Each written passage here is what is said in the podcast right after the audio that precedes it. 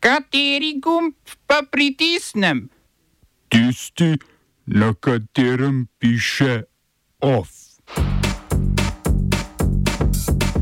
Združene države Amerike uradno priznale Kukove otoke in Njue.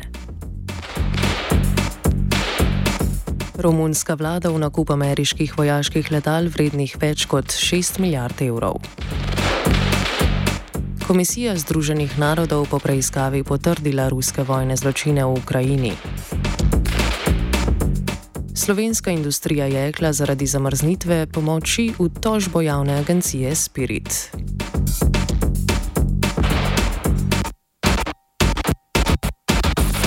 Združene države Amerike so Kukove otoke in Njue uradno priznale kot samostojni državi. Po Franciju, Franciji, Izraelu in Novi Zelandiji so američani četrti, ki so državama v vplivnem območju Nove Zelandije priznali neodvisnost. Ameriški predsednik Joe Biden je ob tem dejal, da bo poteza pomagala ohraniti svobodno in odprto Indo-Pacifiško regijo. Čeprav državi nimata svojih vojaških sil za obrambo, se namreč zanašata na Novo Zelandijo, ležita na strateški lokaciji v pacifiški vojni za vpliv, ki jo Združene države bijajo proti Kitajski. V okviru priznanja bodo Združene države s Kukovimi otoki in Njujejem tudi vzpostavile diplomatske odnose. Kitajska ima diplomatske odnose s Kukovimi otoki od leta 1997 in z Njujejem od leta 2007, kitajski zaveznik v regiji pa so Salomonovi otoki.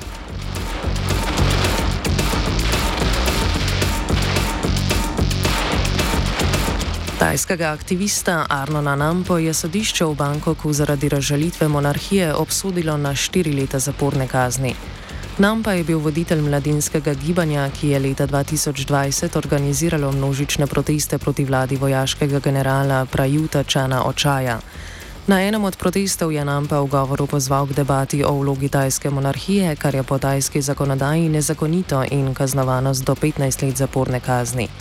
112. člen kazanskega zakonika, ki ureja razžalitev monarhije, je med najstrožjimi na svetu, aktivisti kot je Nampa pa se neuspešno borijo za njegovo odpravo. Z obljubo odprave člena je pred letošnjimi volitvami kampanjo zgradila liberalna stranka Korak naprej, ki je tudi osvojila največ sedežev v parlamentu. Vlade stranka ni uspela sestaviti, saj so bili proti, sen proti senatorje zgornjega doma parlamenta, ki ga imenuje vojska. Vlada je na zadnje s podporo vojaških strank oblikovala nacionalistična stranka za Tajce.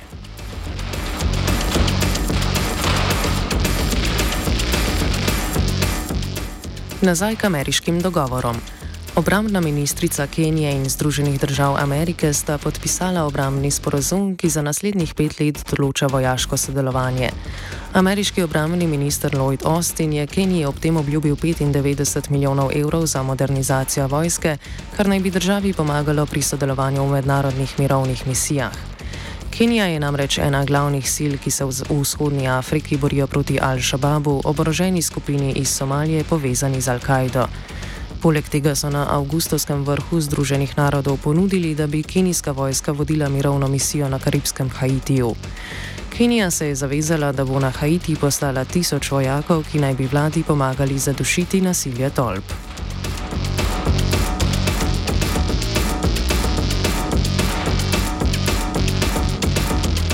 Romunsko obrambno ministrstvo je parlament zaprosilo za odobritev nakupa 32 letal F-35 od Združenih držav Amerike, skupaj vrednih več kot 6 milijard evrov.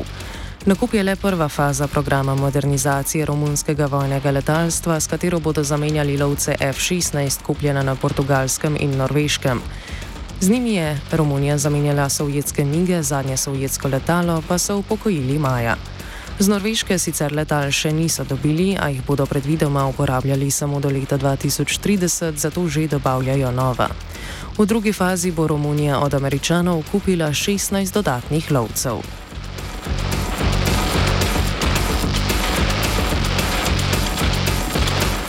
Mednarodna komisija za preiskavo Ukrajine je svetu Združenih narodov za človeške pravice predložila dokaze o ruskih vojnih zločinih v Ukrajini. Med konfliktom so dokumentirali rusko obstreljevanje rezidenčnih območij, civilne in zdravstvene infrastrukture, kot tudi primere mučenja in posilstev. Predsednik komisije Erik Muze, ki prihaja z Norveške, je dejal, da so ruski vojaki v Hersonu posiljevali ženske stare od 19 do 83 let. Muze je zatrdil, da se je na ukrajinski strani pojavilo le nekaj primerov nediskriminatornih napadov in slabega ravnanja z vojnimi zaporniki. Zato je zavrnil izenačevanje ruskih in ukrajinskih vojnih zločinov.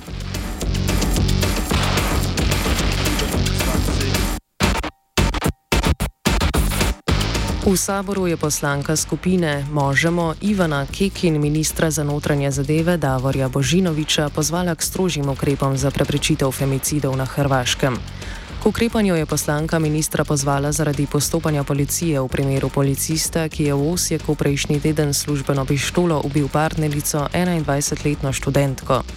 Policista je županijska policijska uprava najprej prijavila za kaznivo dejanje proti splošni varnosti. Na policiji so trdili, da jo je ubil po nesreči, ko je neodgovorno rokoval službenim orožjem, policist pa je na začetku trdil celo, da je žrtev storila samomor. Po posredovanju državnega odvetništva so kaznivo dejanje že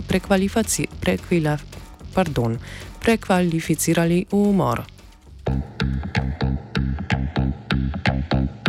Smo se osamosvojili, nismo se pa osvobodili. Naslednje število je še 500 projektov. Izpiljene modele, kako so se strani nekdanje LDS rotirali. Ko to dvoje zmešamo v pravilno zmes, dobimo zgodbo o uspehu. Takemu političnemu razvoju se reče udar. Jaz to vem, da je nezakonito, ampak kaj nam pa ostane? Brutalni obračun s politično korupcijo. To je Slovenija, tukaj je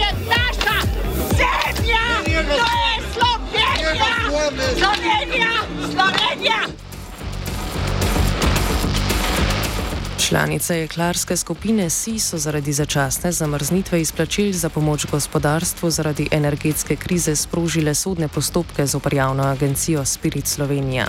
Menijo namreč, da v Spiritu izplačila zadržujejo brez zakonske osnove. SI je lastnikom med drugim državi junija izplačal 5,8 milijona evrov dividend, obenem pa so napovedali za okoli 20 milijonov evrov nagrad vodstvu SI-ja.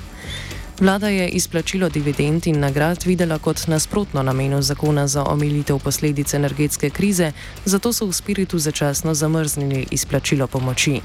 Vsi pa menijo, da je to nezakonito, saj prepoved izplačil velja le za neposredne prejemnike pomoči, ne pa za povezane družbe. Trdijo še, da spirit v družbah ni začel postopka nadzora, nadzora prav tako niso zahtevali nobenih pojasnil ali dokumentacije.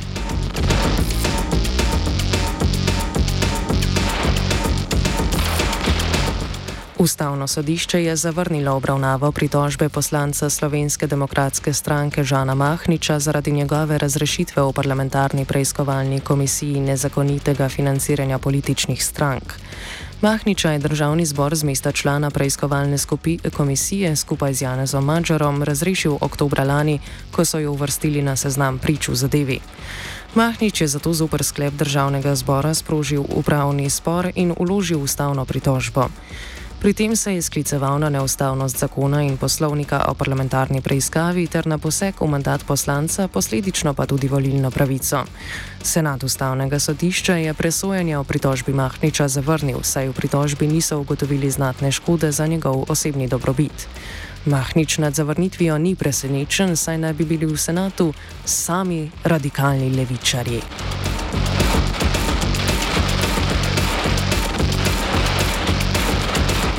Na mestu generalnega direktorja medijske družbe ProPlus je Branka Čakarmiša zamenjala Grkinja Stela Litov. Čakarmiš, ki je bil na mestu generalnega direktorja od februarja lani, bo zdaj prevzel mesto strateškega svetovalca v ProPlusu, izdajatelju Pop TV in kanala A.